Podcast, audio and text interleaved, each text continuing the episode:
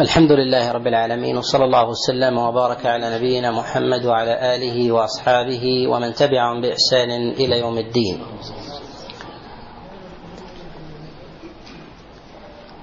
أما بعد فإن الله سبحانه وتعالى قد أنزل كتابه العظيم وسنته على رسول الله صلى الله عليه وسلم وحفظهما وحفظ على هذه الأمة دينها وهذا من أعظم النعم على هذه الأمة كما لا يخفى. ولهذا قال الله جل وعلا في كتابه العظيم قل بفضل الله وبرحمته فبذلك فليفرحوا هو خير مما يجمعون. وذلك أن الله سبحانه وتعالى قد جعل الفضل والرحمة دين الإسلام وكتابه العظيم. وهذه المنة التي ينبغي لكل عبد أن يؤدي شكرها للخالق سبحانه وتعالى أن حفظ عليه دينه وعقيدته فيكون على على بينة وبصيرة. فلا تجتاله الأهواء يمنة ويسرة ولا الدعوات المضللة. فإن الإنسان إذا عرف طريقه لم يلتفت إلى أي دعوه إلى أي دعوة عن يمينه وشماله. ونحن في هذا المجلس نتكلم على العلوية النصيرية من جهة العقائد والنشأة وكذلك عن شيء من أهدافها. والكلام على العقائد والأفكار من الأمور المهمة أن يعرف الإنسان طريق الخير وطريق الشر. وذلك من الأمور المهمة والمقاصد السامية التي جاء فيها الدليل في كلام الله جل وعلا وكلام رسول الله صلى الله عليه وسلم. والإنسان أقوى ما يكون من جهة الحجة وأقوى ما يكون من جهة البينة. أن يعرف طريق الخير وأن يعرف كذلك طريق الشر. وكلما كان الإنسان بصيرا بالطريقين كان من أهل التوفيق والتسديد والإعانة. وإذا جهل الإنسان أحد الطريقين فإنه يقل عنده الثقة بسلوكه لهذا الطريق. فربما تردد أو ضعف إيمانه عند شيء من الفتن يلتبس فيها الحق بالباطل. وأعظم الناس مرتبة الذين يغيلون بمعرفة الحق ومعرفة طرق الشر التي التي تقترن بتلك الطرق التي يسلكونها فيهم زمنا من غير إسراف أو غلو. وهذا من الأمور المهمة التي إذا عرفها الإنسان حمى حمى عقيدته وكذلك حمى فكره. فإن الإنسان إذا أراد أن يسلك طريقا ممتدا من مكة إلى المدينة وكان على معرفة بهذا الطريق ومعرفة أيضا بالطرق التي عن يمينه وعن شماله فإنه لا يمكن لأحد أن يعكر صفه إن ضلله فقال له إن ثمة طريق عن يمين وشمال هو أهدى. فإنه إذا عرف الصراط المستقيم والطريق الذي يوصل إلى الحق وإلى الغاية التي يريدها وعرف الطرق المؤدية إلى خلاف مقصوده فإنه لا يمكن لأحد أن يضلله. ولكن إذا عرف الغاية وجاء أحد من الناس وأراد أن يبين له طريقا آخر يوصله إلى الحقيقة التي ينشدها ولو بطريق أقرب فإنه لا ينطلي عليه إلا إذا كان من أهل الجهالة بطرق المخالفين. ولهذا كان بعض أصحاب رسول الله صلى الله عليه وسلم من أهل العناية بهذا الباب كما جاء عن حذيفة عليه رضوان الله تعالى كما في الصحيحين وغيرهما أنه قال كان أصحاب رسول الله صلى الله عليه وسلم يسألونه عن الخير وكنت أسأله عن الشر مخافة أن يدركني. إن معرفة الإنسان بطريق الخير وطرق الشر يعطيه ثباتا فإنه لا يمكن لأحد أن يأتيه بشيء قد غاب عنه. فإذا عرف ذلك الطريق ذلك الطريق الذي يسلكه والطريق المخالف أيضا له إن دعي إليه كان على بينة وبصيرة أكثر ممن ممن يدعوه إليه. ونحن في هذا الزمن قد كثرت الدعوات المناوئة للإسلام والمناهضة له تدعو تدعو إلى مخالفة دين الله سبحانه وتعالى. وتدعو إلى شيء مما يوافق الحق تارة ويخالفه تارة أخرى. فنحن أحوج ما نكون إلى بيان تلك الحقائق بالنسبة لطريق الحق وبالنسبة للطرق المخالفة على شتى أنواع المخالفة بحسب الاقتران بحسب الزمن وبحسب الساعة التي يعيشها الناس. وأفضل ما يكون الإنسان بصيرة ودراية ومعرفة أن يصاحب الإنسان زمنه من جهة إدراك الأفكار والعقائد المحيطة به حتى يضمن الإنسان حياته فإن حياة الإنسان ليس بأن يدرس أشياء قد اندثرت لا يكلف بمعرفتها وإنما أن يعلم الإنسان أن حياته هي التي يكلف فيها منذ جريان القلم عليه إلى أن يأخذ الله جل وعلا روحه ويختاره ويختاره إليه. من الأمور المهمة التي ينبغي الكلام عليها قبل الولوج في في في محاضرة هذا اليوم أن نعلم أن العقائد والأفكار متنوعة منها ما هو ظاهر البطلان. ومنها ما بطلانه مشوب ببعض الحقيقة ومنها ما هو باطل باطل محض ولكنه يتلبس بشيء من اللباس من اللباس الذي يظهر فيه التزييف وكذلك التزوير فيظهر في ظاهره في ظاهره بأن صورته الحق. ومنها من ومن هذه الحقائق وكذلك أيضا الفرق والطوائف وكذلك الأفكار والعقائد ما لها ظاهر وباطن ومنها ما لها باطن لا يمكن أن يصل الإنسان إلى ما يمكن أن يصل الإنسان إلى باطنها ولا يعرف إلا إلا ظاهرها. ولهذا نعلم أن إدراك الإنسان لهذه الطوائف يجد فيه من المشقة والكلفة ما لا يتيسر له ولو كان في طائفة هي أشد إغالا في الباطل أو تشعبا وكثرة أتباع وكذلك مصنفات فإنه لا يعرف ذلك إلا بمعرفة ما هو مدون. يعني ما ما هو مدون في مصنفات تلك الفرق ولهم ولهم مصنفات ولهم أتباع يجهرون يجهرون بدعوتهم. لهذا أعقد الفرق على الإطلاق المنتسبة للإسلام وغير المنتسبة للإسلام هي فرق الباطنية التي تبدي شيئا وتخفي شيئا آخر. وذلك أنه لا يمكن للإنسان أن يعرف الحق على سبيل على سبيل الحقيقة والبيان الذي هم عليه. ومعلوم أن الشريعة قد خاطبت الناس بالأخذ بالظواهر وعدم الرجوع وتحكيم الناس إلى ما في قلوبهم فإن القلوب لا يعلمها إلا الله. ولهذا قال رسول الله صلى الله عليه وسلم كما جاء في الصحيح إن الله لا ينظر إلى صور إن الله لا ينظر إلى صوركم ولا إلى أجسامكم ولكن ينظر إلى إلى القلوبكم التي في الصدور. والمراد بهذا أن هذه النظرة نظرة خاصة بالرب سبحانه وتعالى لا تتعلق بأمر البشر. وأما بالنسبة للبشر فما عليهم إلا إلا الظواهر. ولهذا رسول الله صلى الله عليه وسلم أخذ الناس بظواهرهم وأما البواطن فاحالها إلى الله ولا يطلع عليها أحد إلا من خصه الله جل وعلا بشيء من الإدراك من معرفة الغيب. ولهذا جاء في الصحيحين وغيرهما أن رسول الله صلى الله عليه وسلم مر من عنده رجل فقال ما تقولون في هذا؟ فقال هذا يوشك أن إذا غاب أن يسأل عنه وإذا خطب أن يزوج وإذا سأل أن يعطى فلما جاء رجل آخر فسأل عنه رسول الله صلى الله عليه وسلم الناس فقال عليه فقال عليه الصلاة والسلام ما تقولون في هذا؟ فقال هذا يوشك إذا غاب الا يسأل عنه وإذا خطب الا يزوج وإذا سأل الا يعطى فقال رسول الله صلى الله عليه وسلم هذا خير من ملء الأرض من هذا. والمراد بذلك أن أمر البواطن لا يدركه كثير من الناس وإنما يحكمهم ما يرونه من حال الإنسان في ظاهر أمره. والظواهر من الأمور المشكلة لدى كثير من الناس وذلك أن حكمها بحسب اقتران الإنسان ببصره الذي يشاهده. فإن الإنسان قد يطلع على شخص ساعة أو يطلع عليه عشرا فتتباين المعرفة بحسب الاطلاع. ولهذا تتناقض أحوال الناس بالتحكيم على ظواهر الناس بحسب ما يرون. لهذا هذا يزكى وهذا يذم وهي الذات واحدة. وذلك أن الإنسان قد عرف عنه ما لم يعرفه غيره. وأما بالنسبة للبواطن فإن حكمها واحد ولهذا كانت بالنسبة لله جل وعلا هي الحكم. فالإنسان يتصنع بظاهره ولا يتصنع ولا يتصنع بباطنه على الإطلاق.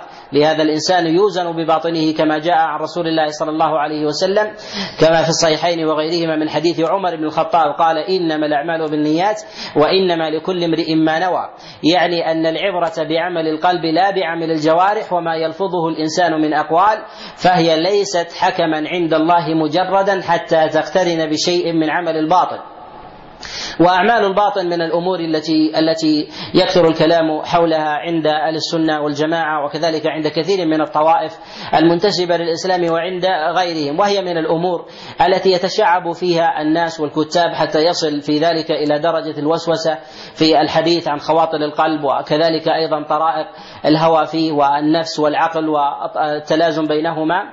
وهذا مما لا يمكن للإنسان أن يحيط به لهذا عليه أن يرجع الإنسان في ذلك إلى نصوص الشريعة كتابا وسنة.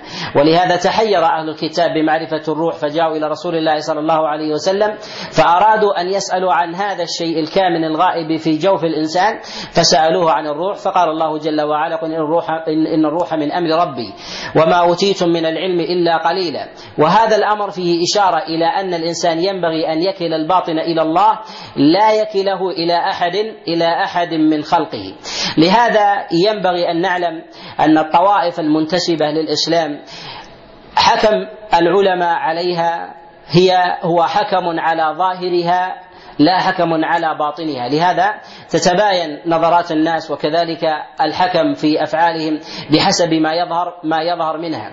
وأشد هذه الطوائف الباطنية التي التي يحكم أو تحكم حالها إلى إلى ظاهرها. وباطنها مجهول عند كثير من الناس أو عند أو عند أكثرهم. هي الطائفه هي الطائفة النصيرية العلوية ويقترن بذلك جملة من الطوائف الباطنية المنتسبة المنتسبة إلى طوائف الرفض وهي أنواع أنواع كثر. وهذا مما يطول الخوض فيه في طوائف الباطن. ولكن كان من المهم أن نخوض فيه لأن الباطن هو ضد النشر وضد بيان الحق. وهذا الأمر إذا كان الإنسان يكتم عقيدته ويكتم فكره الذي الذي انطوى عليه ويصدر عنه قولا وفعلا صعب على الانسان ان أن يصل إليه لأن الإنسان حكمه في ذلك كما تقدم هو عمل الجوارح وكذلك قول قول اللسان. وأما البواطن فأمرها إلى الله إلى الله سبحانه وتعالى. إن الإنسان إذا كان لا يدعو إلى عقيدته ولا يعمل بها موافقا لباطنه لم يكن من جهة الأصل على معرفة لغيره ولم يكن أيضا على هدى ونور. إن دين الإسلام من جهة الأصل دين ظاهر ولهذا سماه رسول الله صلى الله عليه وسلم محجة بيضاء. وبين النبي صلى الله عليه وسلم أن الأمة على خير ما بلغ العلماء الدين. وإذا كتموا الدين فإن الدين حينئذ سيضمحل. والعلماء وكذلك الأمة إذا لم يكن فيها متصدرون يبينون الحق فإن الحق حينئذ سيضمحل وينزوي حتى يبقى يبقى في الكتمان حتى يتلاشى من أفعال الناس وربما وربما من أقوالهم. لهذا جاءت الشريعة بحماية الإسلام ظاهرا وباطنا وأمرت بإظهاره وأن كتمانه نوع من النفاق. فهي تقابل مسألة الباطنية أن الشريعة جاءت بإظهار العمل وذلك لأمور متعددة. منها أن الإيمان لا يمكن أن ينغرس في قلب الإنسان إلا باقتران الباطن مع الظاهر وذلك أقوى. فإنه إذا انفصل الباطن عن الظاهر بقي القلب بعيدا عن العمل الذي يؤكده ويذكره بإيمانه شيئا فشيئا حتى لا ينصرف عنها بعمل من الدنيا أو شيء من العوارض التي تطرأ عليه من وساوس الشيطان أو أعمال الدنيا وملهياتها. فإنه إذا كان كذلك قوي إيمانه وإذا كتم الحق الذي الذي يعلمه وانفصل ظاهره عن باطنه فإن ذلك يضمحل وربما كان من أجهل الناس. لهذا جاءت الشريعة بمحاربه بمحاربة أمر الباطل المجرد وأمرت بالعلانية. العلانية الباطن على وجه الحقيقة وأن الانفصال في ذلك هو علامة نفاق. ولشدة محاربة الإسلام لذلك جعلت خصوم الإسلام على نوعين. كفار مرده وجعلت المنافقين دونهم ولهذا المنافقون في الدرك الأسفل في الدرك الأسفل من النار. وبهذا نعلم أن الشريعة قد جاءت مخالفة للتيارات الباطنية بالعلانية وهذا من جهة تقوية الإيمان. الأمر الآخر أن الإنسان إذا لم يجهر بما في عقيدته بباطنه فإن هذا علامه علامة ضعف. ولهذا نعلم أن العقائد والأفكار لا يمكن أن تصح لدى الإنسان إلا باقترانها بغيرها فإن الإنسان لا يعرف طوله إلا إذا اقترن بغيره من الناس فيعرف هذا قصير وهذا طويل كذلك لا يعرف الإنسان من جهة جماله وحسنه وبياضه إلا باقترانه بغيره وهذا أمر معلوم وهذا أمر قدري جعله الله جل وعلا كذلك في الأمور المحسوسة فإن الأشياء إذا اقترنت ببعضها تمايزت عن غيرها حسنا وكمالا ونضارة وغير ذلك. لهذا دعا الإسلام إلى إلى إظهار كل ما فيه من عقيدة ومن عقيدة وأفكار وأعمال أن تظهر على جوارح على جوارح الإنسان. لهذا كان الإيمان قول وعمل واعتقاد وكله من إيمان من إيمان الإنسان لا بد أن يقترن معه. فإذا تجرد إيمانه من هذه الثلاث لم يكن من أهل لم يكن من أهل الإيمان باتفاق باتفاق أهل السنة وهذا أمر وهذا أمر معلوم. كذلك فإن إظهار العقائد التي يعمل بها التي يعتقدها الإنسان أظهرها من جهة عمله وكذلك من جهة من جهة قوله فيه إشارة إلى أنه من أراد أن يقارن الحق الذي نحن عليه فليأتي فليقارن. فإن هذا فيه إشارة ومراجعة للإنسان الذي يرى ذلك الأمر فإنه إذا رأى أن غيره أحسن منه مدعاة إلى قبول إلى قبول الحق. وهذا أمر كما أنه في العقائد والأفكار كذلك أيضا في الماديات. فإن الماديات لا تفهم من جهة جوهرها إلا بضربها ببعض وهذا أمر معلوم. فالإنسان إذا أراد أن أن يختبر جرمين من جهة الأقوى سواء كان من الحجارة أو الزجاجة ونحو ذلك ضربهما ببعضهما فامتاز الأقوى وثبت وانكسر الأضعف وهذا أمر معلوم. إذا فالمخالطة والنقد وضرب الأفكار وإظهارها وإظهار اقترانها ببعض فإن هذا مدعاة لمعرفة الحق الحق من الصواب.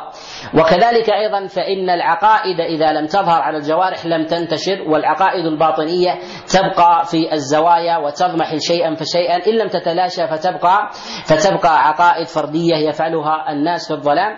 لهذا كان دين الإسلام يدعو إلى تبليغ الحق للناس ودعوتهم ايا كانوا سواء كانوا من دائرة الإسلام من دائرة الإسلام الذين يتبعونه من أهل الحق والمعرفة الذين خرجوا عن الإسلام بشيء من المفسقات من المعاصي ونحو ذلك أو كانوا من الكفار على شتى درجاتهم سواء كانوا من أهل الشرائع السماوية المبدلة كاليهود والنصارى أو كانوا من الملاحدة وغير ذلك من الوثنيين وغيرهم أو من الصابئة والمجوس وغير ذلك أن الإسلام ينبغي أن يصل إليهم. ولهذا خاطب الله جل وعلا نبيه عليه الصلاة والسلام بإخراج ما لديه وعدم حبسه ولو كان آية.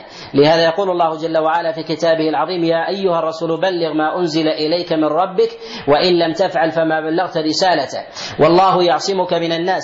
يقول عبد الله بن عباس كما روى بن جرير الطبري في كتابه التفسير من حديث علي بن أبي طلحة أن عبد الله بن, حب بن عباس قال في قول الله جل وعلا يا أيها الرسول بلغ ما أنزل إليك. قال بلغ ما أنزل إليك من ربك ولو كتمت آية فما بلغت رسالته. وهذا يظهر أيضا في قول رسول الله صلى الله عليه وسلم في الحديث المتفق عليه عن جماعة من الصحابة. قال عليه الصلاة والسلام بلغوا عني ولو آية. وحدثوا عن بني إسرائيل ولا حرج. يعني أنه ينبغي للإنسان أن يبلغ الحق الذي لديه إلى من إلى من طلبه أو لم يطلبه. ولهذا قال الله جل وعلا مخاطب رسول الله صلى الله عليه وسلم وإن أحد من المشركين استجارك فأجره حتى يسمع كلام الله ثم أبلغه مأمنة. لهذا يجب على الإنسان أن يبلغ الحق لمن طلبه أيا كان. لهذا رسول الله صلى الله عليه وسلم كان يعقد المجالس للعلم والتذكير وكان أئمة الإسلام من الصحابة يدعون إلى ذلك لبيان الحق أنه لا يوجد لدينا عقيدة عقيدة خافية في هذا الأمر. ولهذا رسول الله صلى الله عليه وسلم أمر بالبلاغ وكان في ذلك أتباعه.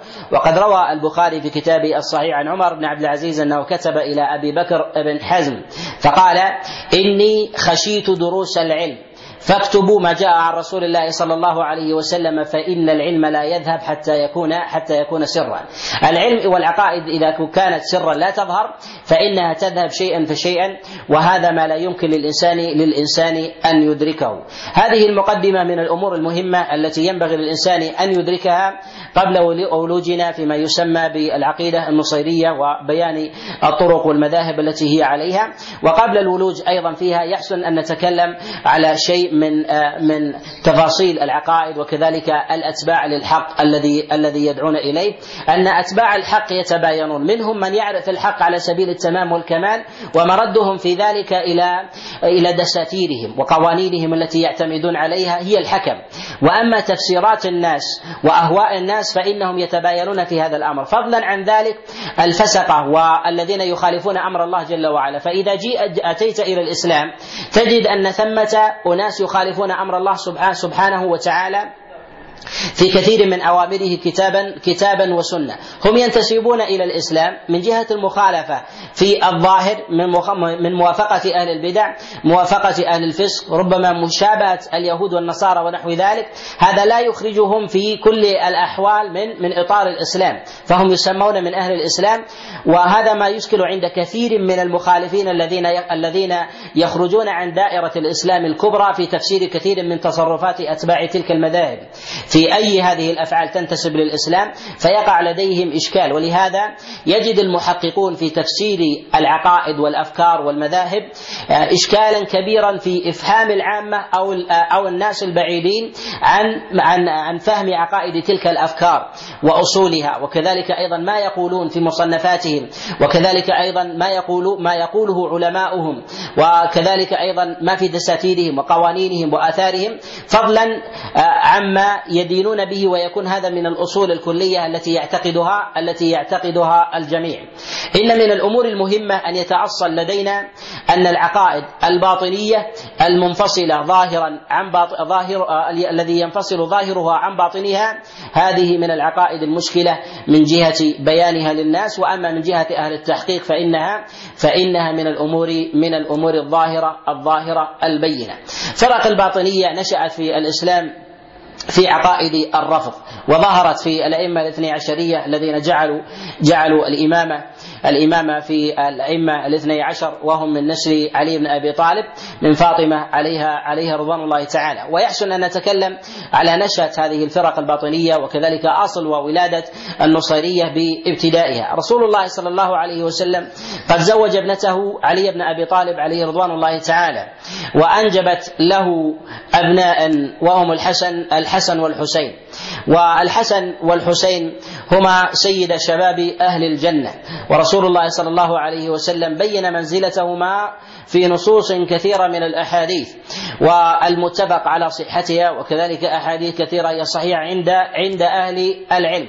ويكفي في ذلك أنهما أنهما من أصحاب رسول الله صلى الله عليه وسلم ممن رضي الله عنهم ورضوا عنه وهم أول ما يدخل في آل بيت رسول الله صلى الله عليه وسلم. الحسن والحسين وهما سيد شباب أهل الجنة بدأ من هنا التعلق بهما باعتبار أنهما الذكور من نسل رسول الله صلى الله عليه وسلم. وهذا بهذا نعلم أن لله جل وعلا حكمة عظيمة أن لم يجعل لرسوله عليه الصلاة والسلام نسلا ذكرا مباشرا. فإذا كان هذا التعلق بالذكور من نسل ابنته عليه الصلاة والسلام ومعلوم عند عند العرب أن ابنة الرجل أبناؤها أبناؤها لا يعتبرون لا يعتبرون منه مباشرة من جهة من جهة الإرث بخلاف الولا والقربى ونحو ونحو ذلك. ولهذا يقول الشاعر العربي يقول الشاعر العربي بنونا بنو أبنائنا وبنات وبناتنا بنوهن أبناء الرجال الأباعد. يعني أن أبناءنا هم أبناء أبنائنا من أصلابنا وأما بالنسبة لبناتنا فإن أبناءهن هم أبناء الرجال الأباعد. ولكن لما اقترن ذلك من نسل فاطمة عليه عليها رضوان الله تعالى بعلي بن أبي طالب وهو ابن عم رسول الله صلى الله عليه وسلم تعلق به أهل أهل الأهواء.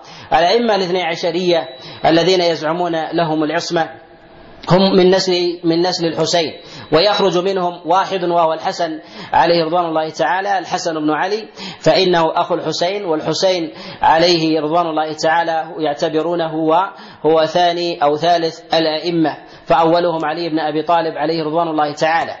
وهذه هؤلاء الأئمة هم كلهم من نسل من نسل واحد.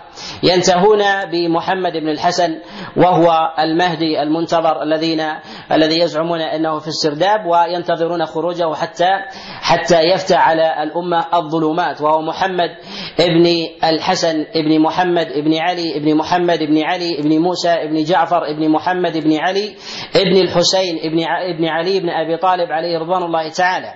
هؤلاء هم الأئمة الاثني عشر ويضاف إليهم الحسن بن علي بن أبي طالب عليه رضوان الله تعالى.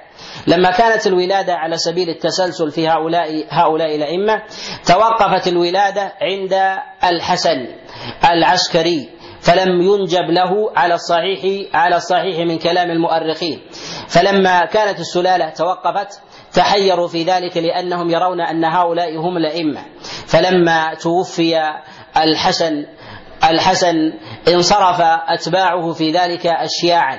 وقالوا إنه بانه بموتهم مات الشيعة ومات أتباع آل البيت ولم يبقى ولي يبلغهم الوحي فكانوا يتعلقون يتعلقون بهم ويرون أنهم معصومون أشد من عصمة رسول الله صلى الله عليه وسلم.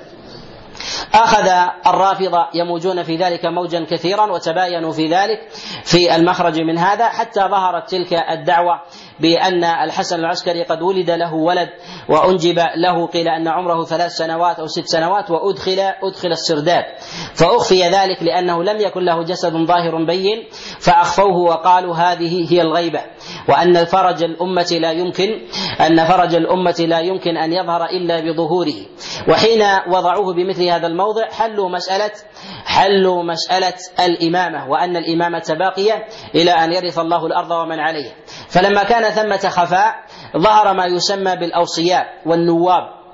والأبواب الذين يكونون يكونون لمحمد المهدي المنتظر وظهر كل يدعي من تلك الدعاوى أنهم أبواب واوصياء لمحمد المهدي الذي كان الذي كان في السرداب. وهم قد دخلوه فيما أدخلوه فيما يزعمون في السرداب عام 200 عام 260 لهجرة رسول الله صلى الله عليه وسلم.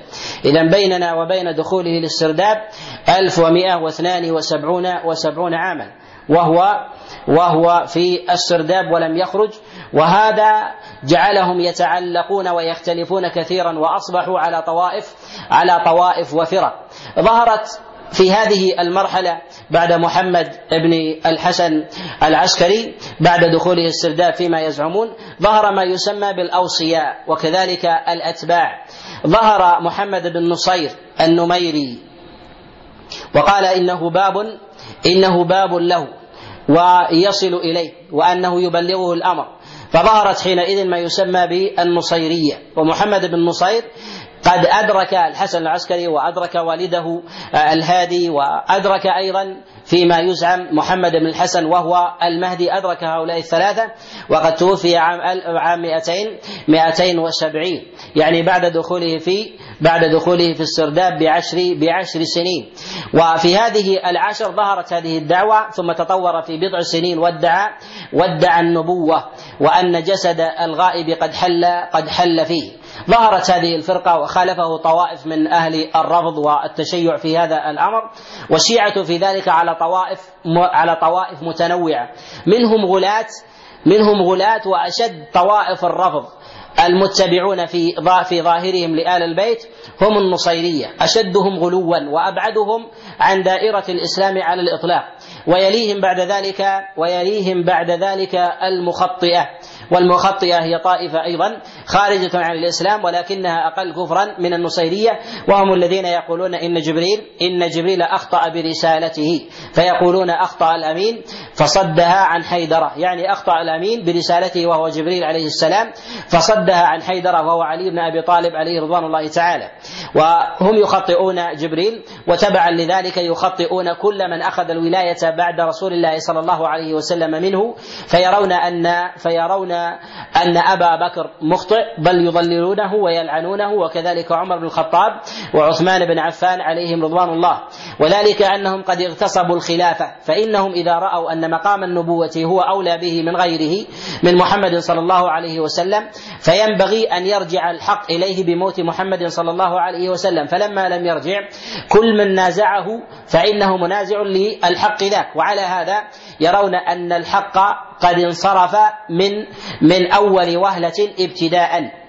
وهذا طعن في جبريل عليه السلام وطعن أيضا في حفظ الإسلام من جهة الأصل وبمحمد صلى الله عليه وسلم أن حمل حقا ليس ليس إليه. وهذا وهذا أمر زور فرسول الله صلى الله عليه وسلم قد بين في مسألة المرأة التي تقول إن لي إن لي ضرة وإني أريد أن أتشبع من زوجي بما لم يعطني. فقال النبي صلى الله عليه وسلم المتشبع بما لم يعطى كلابس ثوب زور. وهذا إذا كان رسول الله صلى الله عليه وسلم قاله في حال امرأة تتشبع في حق زوجها عند ضرتها تريد إثارتها فكيف التشبع بالوحي؟ لعن الله من وصف رسول الله صلى الله عليه وسلم بذلك. ويرون أن الحق وأن الضلال قد تفاصل من تلك اللحظة ويرون أنهم أتباع علي بن أبي طالب عليه رضوان الله تعالى. وقيل أن النصيرية لم يسمون بهذا الاسم تبعا لمحمد بن نصير بن نصير وثمة قول ضعيف أنهم أنهم يتبعون لنصير وهو مولى علي بن أبي طالب عليه رضوان الله تعالى. قالوا وذلك أنه ادعى الربوبية لعلي بن أبي طالب. فعلي بن أبي طالب لما علم بزعمه ذلك دعاه واستتابه فلما لم يتب قتل أراد قتله. فلما قتله وحرقه بالنار. قال علمت أنك رب. ولا يعذب بالنار إلا رب النار ولم يرجع عن قوله. وهذا غاية في التمسك بي وهذا غاية في التمسك بامر بأمر وعقيدة الباطل ظاهرا ظاهرا وباطنا وبدأ التعلق بحق علي بن أبي طالب بعد موته وإن كابروا في ذلك وكان في زمن علي بن أبي طالب إجلال للخلفاء الراشدين ممن سبق ومن أصحاب رسول الله صلى الله عليه وسلم إلا أنهم وصفوا خضوع علي بن أبي طالب بما ظهر منهم من إجلال لأصحاب رسول الله أن ذلك نوع من من أنواع التقية. فاظهروا من فعل علي بن أبي طالب الحق عقيدة التقية ونشأت من تلك من تلك اللحظة. وأخذوا بالأتباع وظهر في ذلك طوائف منهم الرافضة. والرافضة وهي الطائفة الثالثة أيضا الذين رفضوا الذين رفضوا مجلس زيد بن علي بن الحسين حينما سألوه عن أبي بكر وعمر فقال فترضى عنهما فترضى عنهما عليه رضوان الله تعالى. فرفضوا مجلسه فقال عليه رضوان الله رفضتموني رفضتموني فسموا رافضة. ولهذا نعلم أن طوائف الرافضة من جهة شدة بعدهم عن الحق أن أعظمهم النصيرية وهي التي نتكلم عليها في هذا المجلس. الثانية هي المخطئة والثالثة هم الرافضة. ثم يتباينون في ذلك من جهة تعلقهم ومنهم من يحمل من بعض هذه الطوائف شيئا من الباطل ومنهم من من يتجرد من بعض الباطل ويتمسك بشيء من ذلك بحسب بحسب ما يرون. لما كان هذا الأمر يتعلق برجل خفي والناس يتعلقون به كل يظهر أنه وصي فظهر اوصياء كثر في هذا أولهم محمد بن نصير ثم جاء بعد ذلك أناس كثر وآخرهم بل من متأخريهم الخميني قال أنه وصي محمد بن الحسن. محمد بن الحسن المهدي المنتظر وأنه يبلغهم بذلك وأنه يلتقي به وأنه يلتقي بهم مرارا وهذا من الأمور التي تحمل جملة من المتناقضات وهي سبب تشتتهم في ذلك وكذلك سبب عدم وجود كلمة لهم سواء لو أظهروا. وذلك أن ظاهر الحق إذا ظهر للناس يختلف بعض الناس في تفسيره. لهذا جعل الله جل وعلا الحق في أهل الإسلام الحق في أهل الإسلام يختلفون فيه ولو بشيء يسير في ظاهر الأمر. لهذا كان اختلاف الأمة كان اختلاف الأمة رحمة. وهذا في بعض فروع الإسلام وأما في العقائد فليس برحمة ولهذا جاء عن أبي يزيد البسطامي قال اختلاف الأمة رحمة إلا في تجريد التوحيد يعني أنهم إذا خالفوا في أمر التوحيد فإنهم خالفوا أمر الرحمة وأما إذا كان في أمر الفروع فإن الخلاف رحمة. والمراد بالرحمة أن العقائد إذا ظهرت للناس العقائد إذا ظهرت للناس فإن بعض الفروع يختلفون فيها بحسب اجتهادهم ويكون هذا الاختلاف من أمور من أمور الرحمة. والرافضة حينما أسروا عقيدتهم وهي باطلة فإن الباطل إذا ظهر سيتقسم عليه الناس. ولهذا لا يمكن أن يكون ثمة زمن يجتمع فيه الرافضة على كلمة على كلمة سواء لأنهم قد أضمروا باطلا باطلا فلا يمكن أن يجتمعوا على ذلك الباطل على الباطل لاختلاف لاختلاف الناس عليه من باب أولى كما تقدمت الاشاره الإشارة إليه. لما كان هذا الأمر يتعلق بعقيدة باطنية صعب على الرافضة وصعب عموما وصعب أيضا على النصيرية إدراك أحكام الدين. وذلك أنهم يرون ألا وسيط بين بين العباد وبين ربهم إلا من كان بابا بابا بينهم وبين ذلك المهدي المنتظر. فعلقوا سائر شرائع الإسلام بذلك. ولهذا تجدهم كثيرا تجدهم كثيرا يقررون عدم عمل شرائع الإسلام. فلا يرون الصلاة ولا يرون الزكاة والصيام. ولا يرون الحج ولا يرون الجهاد ولا يرون كثيرا من احكام من أحكام الدين. وذلك أنه لا يقيمها إلا إلا المهدي المنتظر وهذا عند عند النصيرية على خلاف مع على خلاف مع الطوائف من المخطئة وكذلك وكذلك الرافضة الذين يؤمنون بشيء من أركان من أركان الإسلام. أما بالنسبة للنصيرية فإنهم يقرون في مصنفاتهم أنه لا يوجد شيء من أحكام الإسلام من أركانه ينبغي العمل العمل به. فيجعلون الصلاة المذكورة في القرآن وما جاء في السنة يفسرونها على جملة من التفسيرات الباطلة التي ينبغي للإنسان أن يعمل ألا يعمل بها. فيفسرون فروع الإسلام بجملة من التفسيرات يأتي الكلام عليها بعد الكلام على عقيدتهم و و وكذلك إيمانهم بالله بالله سبحانه سبحانه وتعالى. إن إيمان إيمان النصيرية بالله جل وعلا هذا من الأمور المشكلة عند كثير عند كثير من العامة وإدراك تلك تلك الطائفة على الحقيقة الباطنة. مع إضمارهم لذلك الباطن وقلة مصنفاتهم وكتبهم التي التي يروجونها بين الناس. صعب على كثير من الناس فهم تلك العقائد التي يعتقدونها في حق الله جل وعلا. إلا أن من صنف وكتب في العقائد يجمعون وكذلك يجمع يجمع أئمة النصيرية على أن علي بن أبي طالب عليه رضوان الله أنه إله يعبد من دون الله وأنه يتصرف في الكون ويعتقدون فيه كما يعتقد النصارى في عيسى ابن مريم عليه عليه الصلاة والسلام. ويرون أن وجود علي بن أبي طالب في الأرض كوجود عيسى كوجود عيسى في الأرض. وان وأن علي بن أبي طالب حينما قتل في الأرض أنه كان متجسدا بجسد كما تجسد جبريل عليه السلام بصور من البشر حينما جاء إلى رسول الله صلى الله عليه وسلم. وأنه حينما قتل عليه رضوان الله تعالى قتل ذلك الجسد والروح باقية ارتفع. فيرون أن ذلك الجسد هو الناسوت وأن الروح الذي هي فيه هي اللاهوت. وأن الذي قد قتل علي بن أبي طالب عليه رضوان الله هو عبد الرحمن بن ملجم رجل مقدس معظم. وذلك أنهم يرون أنه قد خلص اللاهوت من الناسوت. يعني أنه قد خلص الإله من ذلك الجسد الذي اضطره بالبقاء في الأرض. ولهذا يعظمون من قتل علي بن أبي طالب وهذا أمر وهذا أمر في غايه في غاية القبح لا يمكن أن يؤمن أن يؤمن به بشر من جهة التشبيه هو مشابه لعقيدة لعقيدة النصارى في عيسى في عيسى عليه الصلاة والسلام من جهة قتله وكذلك تلبسه بصورة بشر وكذلك أيضا في صلبه عليه الصلاة والسلام. وكذلك أيضا في عقيدتهم في رسول الله صلى الله عليه وسلم يرون أن النبي صلى الله عليه وسلم جسد لعلي بن أبي طالب عليه رضوان الله تعالى. وأن هذا الجسد أن هذا الجسد له تشريع وأن ذلك التشريع يكون في سلمان الفارسي عليه رضوان الله تعالى. فكانوا حينئذ من جهة من جهة عقيدتهم يقولون بعقيدة تثليثية باطنة تشابه ما عليه ما عليه النصارى.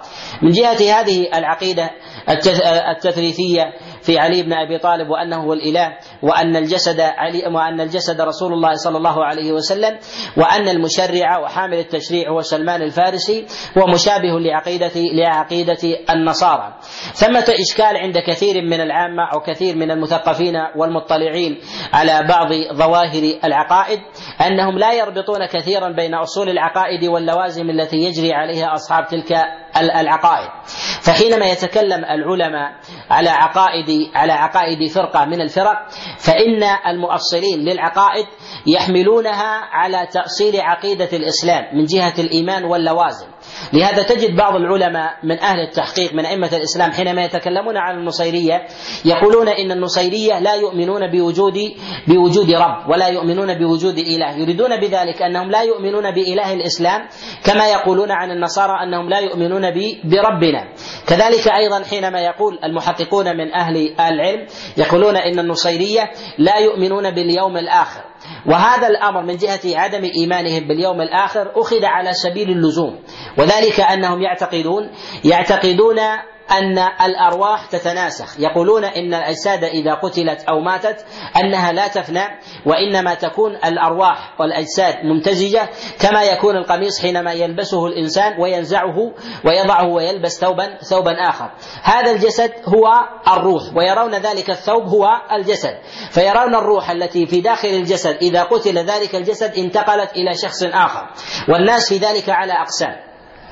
منهم أهل الطاعة والديانة الذين يسلكون تلك العقيدة النصيرية فإن هؤلاء, فإن هؤلاء تنتقل أرواحهم إلى الأجرام السماوية والأفلاك فبحسب عظمهم وقربهم ودنوهم من ودنوهم من اتباع علي بن أبي طالب فإنهم يكونون من أهل من أهل من أهل العلو فيتعلقون بالنجوم وإذا عظموا كانوا في الكواكب وإذا عظموا كانوا في القمر أو في الشمس ونحو ذلك. لهذا يتوجه طوائف منهم إلى الكواكب العظيمة تعلقا تعلقا بأولئك بأولئك الصالحين الذين تعلقت أرواحهم فهم فهم موجودون ولكنهم قد اختلفت أجسامهم بينما كانوا أجسادا بشرية تحولوا إلى أجرام سماوية.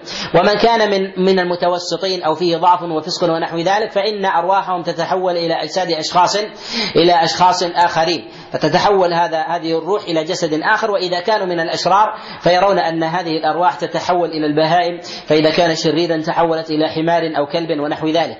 أخذ العلماء من ذلك لازم عقيدتهم أنهم لا يؤمنون لا يؤمنون بالبرزخ ولا يؤمنون فضلا عن عن عن ذلك عذاب البرزخ ولا يؤمنون أيضا بالبعث والنشور لأنه يلزم من التناسخ على سبيل الدوام والتحول أن ينتقل الإنسان إلى أن ينتقل الإنسان من جسد إلى إلى جسد آخر فروحه تنتقل والبدن يتغير من صورة إلى صورة أخرى وهذا ينافي ظواهر الأدلة من كلام الله جل وعلا وكذلك أيضا القطعيات والمسلمات عقلا عقلا ونقلا. لهذا العلماء حينما يقررون في بيان عقائد الطوائف يحملونها كثيرا كثيرا على اللزوم.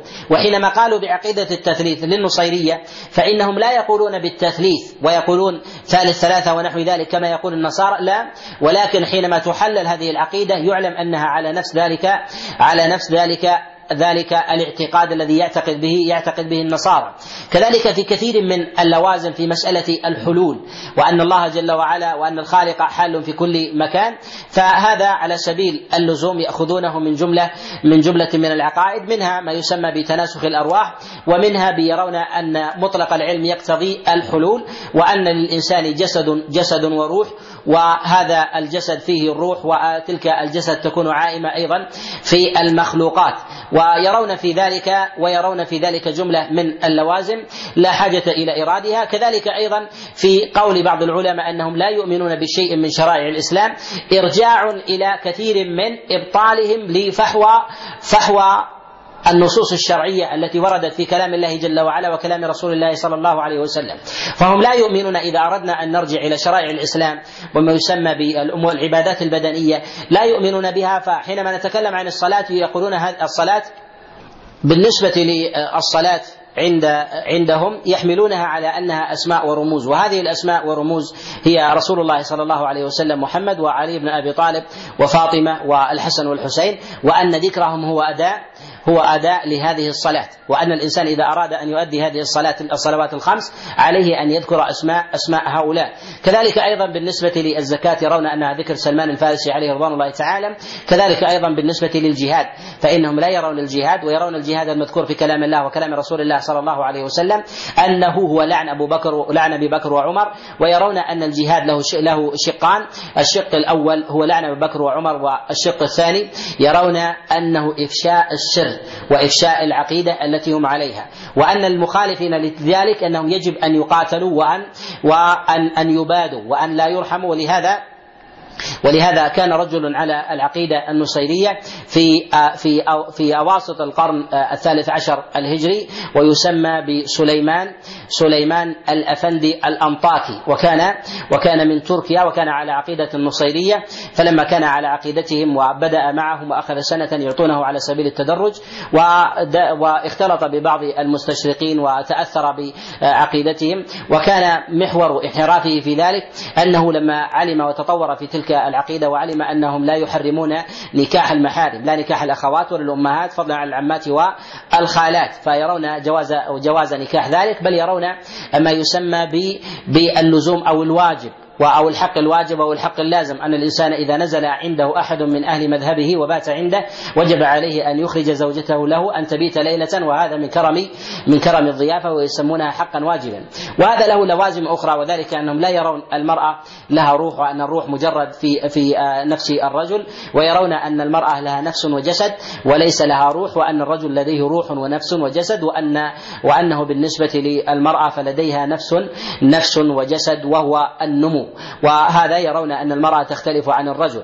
وبالنسبة لهذا وكان هو الفيصل بالنسبة لمروقه من تلك العقيدة فلما نزل عند أحدهم يقول لما كان في منتصف الليل آه، قال وجدت أن امرأة قد فتحت الباب ثم انسلت معي في فراشي فسألتها فقالت ألم تعلم أن هذا هو الحق الواجب؟ فبدأ يفكر بتلك الحقيقة فتنصر وترك النصيرية التي هو عليها وسمى وألف كتابا في ذلك يسمى الباكورة السليمانية وذلك السليماني نسبة إليه في في فضح وكشف أسرار النصيرية وانتقل إلى بيروت ولم يتركوه حتى قتلوه وأحرقوه في في اللاذقية ودعوه حينما دعوه وأمنوه أنه لا بد أن يرجع أن يرجع وله الأمان في ذلك وقتل لأنه كشف هذا السر لأنهم يرون أن الجهاد هو في من كشف أسرار أسرار ذلك. ولهذا نجد أنه حتى من جهة الفكر السياسي والعقدي لدى لدى الفئة النصيرية أو العلوية لديهم لديهم تأصيل لهذا الأمر أن كشف السر خيانة عظمى يلزم منها الإبادة. وهذا نشأ حتى عند النصيرية تسلل إليهم في تعاملهم مع الفكر البعثي أو الفكر السياسي. لهذا نجد أنه حتى لديهم من جهة التعامل العسكري في الخيانة وكشف السر أن الإبادة أنه من أشرس الناس في هذا الأمر. وهذا من بقايا تلك العقيدة وذلك الفكر ولهذا نريد أن نتكلم على مسألة تعامل العلماء معهم من جهة إبطال إبطال تلك الأعمال. لديهم أصل هو الذي تسبب في الإشكال عند كثير من الناس وخاصة من عامة الناس من عامة المسلمين في سائر أقطار العالم الإسلامي كذلك أيضا من المسلمين في الشام. أنهم حينما يخالطونهم يجدون أنهم يصلون معهم. لديهم أصل من أصولهم وهو يشترك معهم في سائر الشيعة وهو ما يسمى بالتقية وأن هذا ركن من أركان عقائدهم. ويرون أن التقية لباس. وأن من لم يلبس ذلك اللباس فهو عريان ككاشف العورة وهو مرتكب لذلك الإثم. قالوا واللباس يتزين به الإنسان يتزين به عند كل صاحب عقيدة. ولكنهم يستثنوا يستثني أئمتهم من ذلك عقيدة واحدة وهو البراءة من عبودية علي بن أبي طالب. فإذا تبرأ أحدهم من عبودية علي بن أبي طالب فإن لا تقية في هذه في هذه الجزئية. وما عدا ذلك فإنه يجب عليه أن يصلي معهم ولكن لا يذكر أذكارهم وكذلك يختلط معهم فيما فيما يقولون وإن أقر بشيء فإنه يقر به وهذا على سبيل الوجوب ولم ومن لم يقر به فإنه قد كشف عورته. وثمة تلازم بين قضية الجهاد لديهم وبين قضية التقية فهي فهما ضدان من جهة اكتمال اكتمال باطنية تلك تلك العقيدة. ولهذا العلماء رحمهم الله يتكلمون على تلك المصنفات التي يصنفونها يصنفها أئمتهم. العقيدة النصيرية أو الفكر النصيري من جهة انتشاره في الناس هو من أضعف المذاهب انتشارا سواء في الشيعة أو سواء في الطوائف كلها وذلك لشدة انحرافه عن الفطرة السوية كذلك لشدة انحرافه أيضا.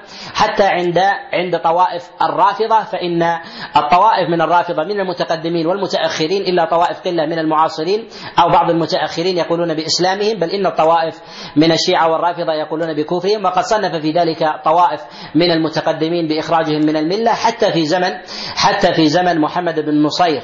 النميري صنف أناس من الرافضة بكفره مع كونهم يقولون بألوهية علي بن أبي طالب صنف في ذلك صنف في ذلك سعد بن عبد الله القمي رسالة في ذلك وبين كفره ومنهجه في ذلك وبين أيضا عقيدته الوثنية جماعة كأبي الحسن الأشعري في كتابه مقالات الإسلاميين وصنف في ذلك أيضا طوائف كعبد الحسين بن مهدي العسكري رسالة في ذلك باسم النصيريين النصيريون العلويون وصنف في ذلك أيضا طوائف في هذا بينوا عقيدتهم بل إن النصارى الذين قد تمرسوا بمعرفة فكرهم وكذلك عقيدتهم يعلمون أنهم لا يجرون على عقيدة على عقيدة الإسلام.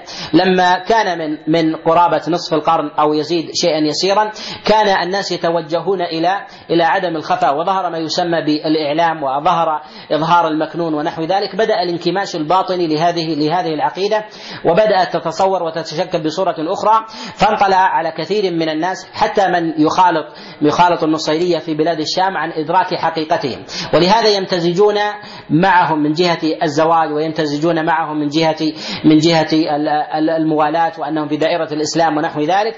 وهذا بسبب أمور كثيرة. منها ما تقدمت الإشارة إليه ومنها أنه لما ظهر أجيال أجيال كثيرة.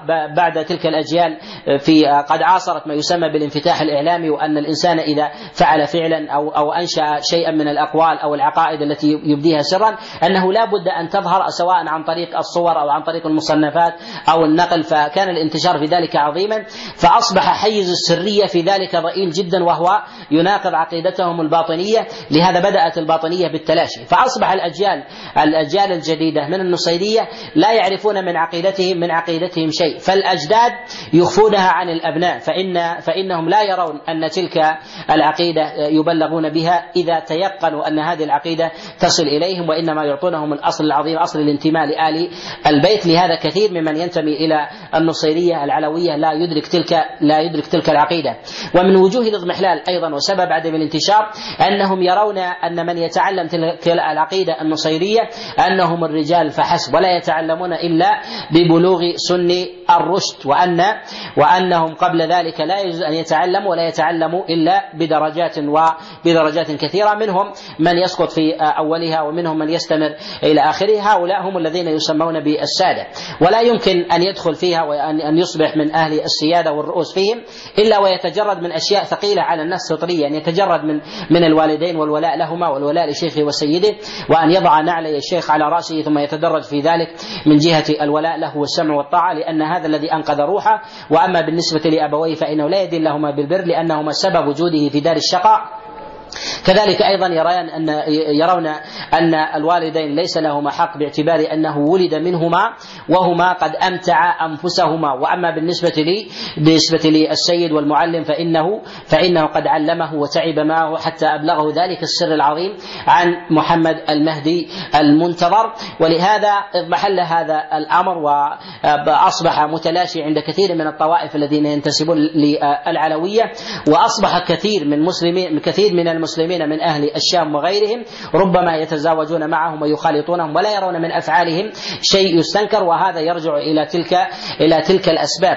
ولو استمر ما يسمى بالدعوة من الدعوة إلى الحياة المدنية وكذلك أيضا النظريات العقلية الإيمان بالمحسوس ما يسمى بالأفكار الحديثة بالأفكار الليبرالية أو العلمانية أو الماسونية ونحو ذلك الذين يؤمنون بالمادة ولا يؤمنون بما وراء الطبيعة. فإن هذا إذا انتشر ويدعمه الإعلام الإعلام العالمي الآن الإعلام الغربي ومن يواليه من الإعلام العربي فإن هذا فإن هذا يضرب في باطن في باطن تلك العقيدة فأصبحت تضمحل. اذا فأصبحت تخشى قطبين. القطب الأول القطب الحضاري الغربي الذي يدعو إلى الطبيعة ولا يؤمن بما وراء الطبيعة. القطب أيضا الإسلامي الذي يؤمن بالباطن والظاهر وأنه يصارع ظاهرا وباطنا ويدلل على الحجج في ذلك من الكتاب والسنة وأيضا من حجج العقل. فأصبح ذلك منزويا وأصبح كثير من الناس ينتمون إليه. ينتمون إليه ينتمون إليه ولاء. ومن الأمور المهمة أن المدارك العقلية كذلك الفطرة تجعل الإنسان صاحب العقيدة الباطنة التي يعمل بها يكون من من من أصحاب التوازن ومن أصحاب التوازن. بخلاف الإنسان الذي يكون لديه عقيدة باطنة لا يستطيع العمل بها يصبح قلقا ومتوجسا وأيضا إذا كان صاحب سلطة يكون من أهل الانتقام والبطش. وذلك أنه لا يمكن أن يخرج مكنونه بعمل الجوارح ولا بقول اللسان فيصبح لديه شيء من العقيدة المشحونة يظهرها في كثير من المخالفين. لهذا تجد عند هذه الطائفة من الانتقام من المخالفين ما لا يمكن أن يخطر على بال على بال البشر. ولهذا التوازن في فطرة الإنسان أن يعمل أن يعمل الإنسان بعقيدته التي يعتقدها على حد سواء. ولهذا جاءت الشريعة أن يعمل الإنسان بما علم وما علم هو باطنه أن يعمل الإنسان بباطنه. لماذا؟ لغرس أمور كثيرة منها الطمأنينة في النفس. وقطع ما يسمى بالترقب وأن الإسلام يدعو إخراج المكنون أيا كان لكل أحد وذلك أن الإنسان لا يستحي من عقيدته بل يبينها وأنه إذا أضمر شيئا وقع في شيء من النفاق ولهذا حذر الإسلام من كثير من الأمور المناوئة لهذا الأمر والمحاربة له وما يسمى بالنفاق وكذلك الكذب. وأباح الإسلام شيئا يسيرا من هذا الأمر ما يسمى بالمعاريض وأباحها في في نطاقات ضيقة ونحو ذلك لشدة العقيدة بالتوازن بين بين الباطن بين الباطن والظاهر. ولهذا نجد عند أرباب هذه العقيدة محاولة محاولة محاولة الانتقام من الخصوم ونحو ذلك وذلك لاعتبارات متعددة أنهم يرون أنهم هم سبب الكتمان أن الذين يخالفونهم هم سبب الكتمان وعدم الإظهار وأن هؤلاء ينبغي أن يبادوا حتى يخرج المكنون على الجوارح. وكذلك أيضا يرون أن هؤلاء الذين يخالفونهم هم العائق في خروج في خروج المهدي المنتظر فينبغي أن يبادوا وأن أولياء وأوصياء المهدي المنتظر ينبغي أن يظهروا حتى يمهدوا الطريق له فيخرج إلى إلى النور وينشر العدل العدل في الناس. وهذا من المتناقضات. فإنهم يرون أن المهدي المنتظر وكذلك الأئمة العشريه يرون أن أن مقام الربوبية قد حل فيهم ويرون كذلك أنهم يعلمون يعلمون الغيب. وأما عدم خروجهم فيعللونه وعدم خروجه فيعللونه يقولون أنه يخشى أن يقتل في حال قوة الأعداء. فإذا كان يعلم الغيب فهو يعلم أنه متى متى يموت. فإذا كان يعلم متى يموت فإنه يعلم متى متى يتوقع والمواضع التي التي يتوقع فيها مواضع الخطورة فإذا ما المانع حينئذ من من خروجه. كذلك أيضا فإن فإن المخلوق لا يمكن أن يذب أن يذب عن خالقه. وهذا فيه فيه اعتبارات كثيرة من جهة التناقض من لوازم كثير كثير من العقائد. ولكن بالنسبة للنظام الاجتماعي في حياة كثير من أرباب هذه الطائفة النصيرية العلوية ما يحتاج إلى وقفات كثيرة ولكن نشير إليها على سبيل على سبيل الإشارة. منها ما يتعلق بالحياة الاجتماعية والسياسية لهذه لهذه الطائفة. الطائفة كانت كانت من أصل نشأتها. لم تنشأ في بلدان لم تنشأ في بلدان الشام وإنما نشأت في بلاد في بلاد فارس. فالذي أنشأها ابتداء فارسي من جهة الأصل هو محمد بن نصير النميري وكذلك أتباعه الذين خلفوه في ذلك محمد بن جندب وكذلك عبد الله بن محمد وكذلك أيضا أتباعه في ذلك كعلي بن الحسين وغيرهم من أتباعهم وانتشرت وهذه في القرن الرابع بدأت بدخولها في الشام وذلك انها نشأت أول ما نشأت في حلب ثم كانت في ثم كانت في في العراق في بغداد ثم اندثرت في بغداد وانتقلت من حلب إلى اللاذقية وانتشرت في ذلك وأصبح أولئك الطوائف يتوارثون تلك العقيدة توارثا وأصبحت سرية وهذا يشير نشير إلى ما تقدم في قول في قول عمر بن عبد العزيز قال إن العلم لا يذهب حتى يكون حتى يكون سرا. ولهذا رسول الله صلى الله عليه وسلم يقول كما في الصحيح كما في حديث عبد الله بن عمر قال النبي عليه الصلاة والسلام إن الله لا يقبض العلم انتزاعا يقبضه بقبض العلماء ولكن يقبض العلم بأن الله لا يقبض العلم انتزاعا ب... إن الله لا يقبض العلم انتزاعا ينتزعه من صدور العلماء ولكن يقبض العلم بقبض العلماء حتى إذا لم يبق عالما اتخذ الناس رؤوسا جهالا فسئلوا فأفتوا بغير علم فضلوا وأضلوا. وهذا فيه إشارة أن العالم إذا لم يبرز فوجوده كعدمه كذلك العلماء وفقهاؤهم إذا لم يبرزوا للناس للعامة فإن العلم قد اندثر. ولهذا النبي صلى الله عليه وسلم قال حتى إذا لم يبق عالما اتخذ الناس رؤوسا. فلا بد من وجود رأس سواء كان بالحق والباطل أو الباطل حتى ينشر تلك العقيدة سواء كانت صحيحة أو باطلة للناس. لهذا العقيدة التي ليس فيها ظاهر وفيها باطن فقط فإنها لا تظهر. لهذا نجد عقائد وثنية موغلة في الوثنية تعبد تعبد غير الله جل وعلا الحجارة أو تعبد أو تعبد بعض الحيوانات التي يستقبحها الإنسان كعبودية الفأر أو يعبدون مثلا البقر أو نحو ذلك. تنتشر ودعوتها ويدخل فيها كثير لأنها ظاهرة وموغله في البطلان.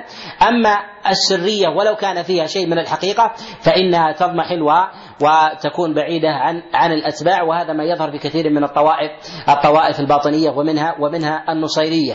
النصيرية لم يكن لها رأس على مر العصور وإنما تنضوي تحت أي فرقة تأتي في محاربة الإسلام ولهذا انضووا تحت بعض الطوائف كالتتار ونحو ذلك وكذلك أيضا لا يأتي مستعمر إلى بلدان الشام إلا ويكونون له له اعينا ولا أيضا يأتي مستعمر لبلدان المسلمين إلا إلا ويقاتلون ويقاتلون معه. ولما جاء المستعمر إلى بلدان الشام وهم الفرنسيون واستعمروا آه، الشام نظروا إلى الشريحة والشريحة الواسعة الموجودة في المسلمين في بلاد الشام فنظروا في الطوائف في ذلك فإنهم لا يريدون أن يحكموا الأكثرية في ذلك فإن الأكثرية تؤمن بالجهاد تؤمن بالجهاد وهم أهل السنة. فلما نظروا إلى هذه الطائفة وهي الطائفة النصيرية وتأملوا في عقيدتها ونظروا في تأليهم لعلي فدرسوا تلك العقيدة دراسة مهمة جدا ولهذا هم أول من أطلق على النصيرية العلوية.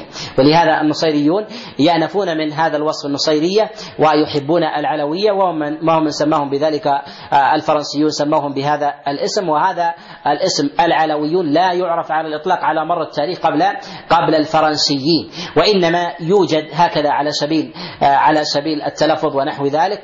قل نحن من آل البيت من آل علي ونحو ذلك. أما علويون أن يكون مصطلحا على فرقة فإن هذا لا يوجد إلا بعد الفرنسيين. وهذا يعني أن المستعمر قد درس تلك الفرقة دراسة جيدة ويعرف ويعرف مقام علي بن أبي طالب ويعرف أيضا مقام الجهاد والمقاومة في هذه في هذه الطائفة. فرأى أن الطائفة مسالمة ولا تفسر الجهاد أبدا على الإطلاق ويفسرونه بقتال المخالفين وهم الأكثرية. فأروا أن فرأوا أنه لا بد من إشغال المسلمين ببعضهم وانتشال هذه الطائفة الأقلية وتسميتها باسم جديد آه، إبعادا عن مسألة الخلاف والتشنج والإتيان بمصطلح جديد وجعلهم في كتلات مثلا سياسية ونحو ذلك فأنشأوا كتل وسموها كتل وطنية وحزبية ونحو ذلك وجاء ما يسمى بحزب البعث وامتزجوا آه، فيه بشيء من عقائدهم ونحو ذلك.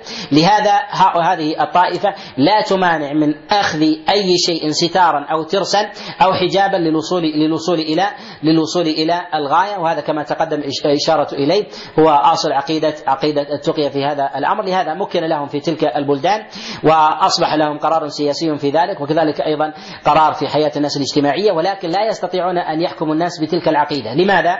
اولا أنها من جهة الأحكام والفروع لا يوجد لديهم أحكام ولا يؤمنون بالقرآن ويرون أن القران أن القرآن مع المهدي والمصحف الموجود لا يشكل الثلث والعمل به بتر له. قالوا ربما نعمل بشيء منسوخ والناسخ والناسخ مفقود أو نعمل بشيء بشيء مطلق والمقيد والمقيد مفقود فلا يجوز العمل به حينئذ. فيبطلون هذا الثلث ويجعلون العمل بذلك لا يكون إلا لا يكون إلا بخروج ذلك المصحف مع المهدي المهدي المنتظر فيعطلون سائر الشرائع. فيعملون بماذا؟ يعملون بالقوانين الوضعية ويرون أن العمل بالشريعة التي تكون لدى أهل الإسلام من أهل السنة عمل بشيء من الباطل وعمل بشيء من المخالفين الذين ينسبونه إلى الله وباطل. فيرون العمل بشيء من الأمور المادية والنظريات والقوانين الوضعية اولى من العمل بشيء مكذوب ومنسوب إلى الله فينسب الشيء إلى البشر ولو كان ولو كان باطلا اولى من أن ينسب الباطل إلى الله سبحانه وتعالى فيعمل به. لهذا يحكمون بقوانين وضعية ونظريات ونظريات بعيدة وكذلك أيضا حتى لا يكون ثمة آه، ثورات داخلية يحكمون بشيء من بعض الشرائع الإسلامية ببعض الأحوال الشخصية وكذلك أيضا بعض الأحكام بما يتعلق بالعدد والطلاق وكذلك ما يسمى بالرجعة والخلع وغير ذلك من احكام من أحكام النكاح. وما عدا ذلك فمرده إلى احكام إلى أحكام الوضع وإنما يتهيبون الأعراض مع أنهم في جانب مباين جدا في أبواب الإعراض لشدتها عند أهل الإسلام وعند وعند النفس العربي على سبيل على سبيل الخصوص. ونشأت هذه الطائفة وما مكن لها الا إلا لأجل هاتين العقيدتين. العقيدة الأولى أنها باطنية أنها تستطيع أن تركب أي مطية ظاهرا ولا تمانع من اي من أي نظام أو تتبع أي طريق. وكذلك أيضا بإبطال شريعة الجهاد فإنهم لا يرون جهادا إلا لا يرون جهادا إلا مع مهدي المنتظر. ولهذا ولهذا يرى الفرنسيون أنهم في هذه الطائفة مخيرون بين أمرين. إما أهل السنة ولو كانوا فيهم ضعف ونحو ذلك والعقيدة موجودة في قلوبهم يخشون من أن تحيا أو طائفة تؤمن برجل قد غاب في السرداب ولو كانت تؤمن بالجهاد وهذا الجهاد وهذا الجهاد لا يمكن أن يكون إلا بخروجه ومتى يخرج؟ هذا يرون أنه من الخرافات ويرون أنها طائفة خرافية فصدروها لهذا الأمر ولهذا بدأ انشغال أهل الشام وانشغال تلك البلدان بالحياة المدنية وكذلك أيضا قمع كل المخالف والمخالفين لهم من أهل السنة وغيرهم.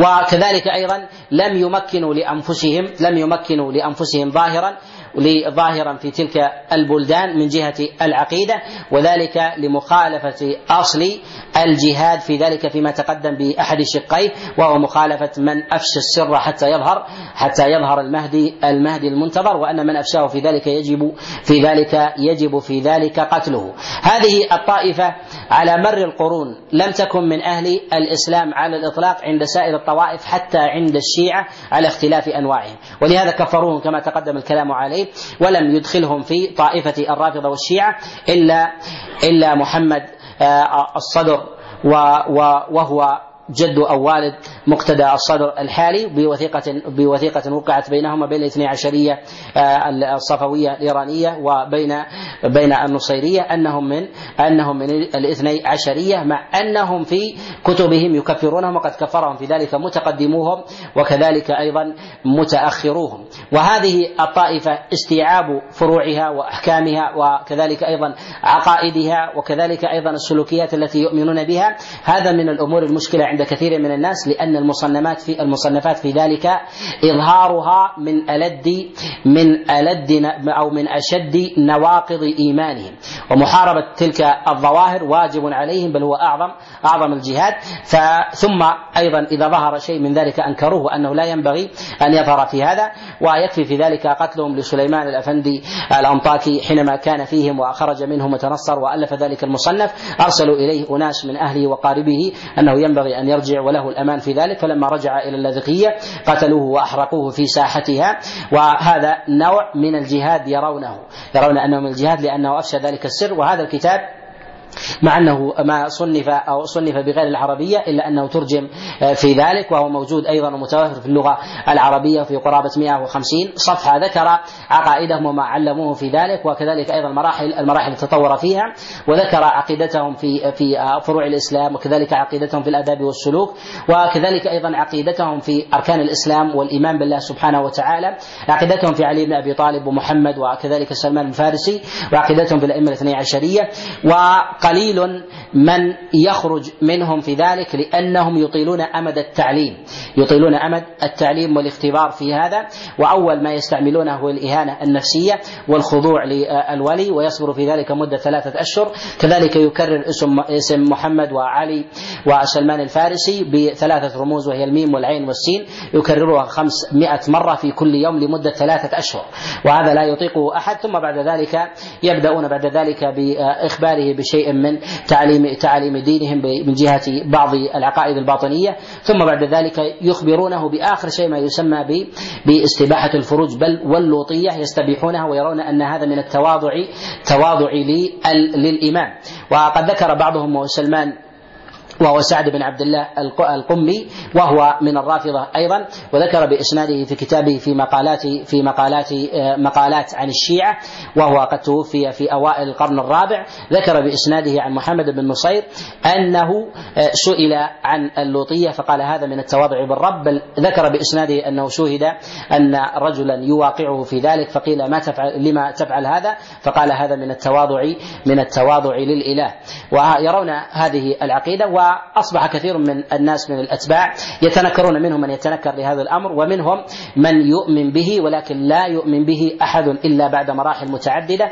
ولهذا ذكر سليمان وهو أظهر فيما أرى من من آه، آه، تكلم أو فضحهم من الداخل هو سليمان أفندي الأنطاكي أو أو الأذني وصنف فيهم آه، رسالة تسمى الباكورة السليمانية في كشف أسرار النصيرية. صنف فيهم وتكلم عليهم من الداخل بعدما تربى معهم.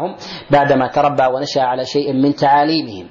وقد تنصر وبقي على نصري على نصرانيته إلى إلى أن قتل. نكتفي بهذا القدر ونعتذر عن الإطالة والكلام في شيء من فروع هذه العقائد وكذلك التأصيل لها والكلام أيضا على المصنفات في ذلك القديمة والمتأخرة مما يطول جدا. وثمة مصنفات يحسن الرجوع إليها منها الباكورة السليمانية وكذلك أيضا تاريخ العلويين لمحمد آه، أمين الطويل وهو منهم وذكر شيئا من تاريخهم. وكذلك آه، العلويون النصيريون لعبد الحسين بن مهدي العسكري. وثمة مصنفات أيضا متأخرة آه، تكلمت عن هذه الطائفة. ولا يوجد طائفة أو لا يوجد مصنف استوعب العقيدة باطنا وظاهرا فيما أعلم. وإنما هي منتشرة في كثير من المصنفات. أسأل الله جل وعلا لي ولكم التوفيق وأن يهدينا إلى صراط مستقيم. انه ولي ذلك والقادر عليه وصلى الله وسلم وبارك على نبينا محمد.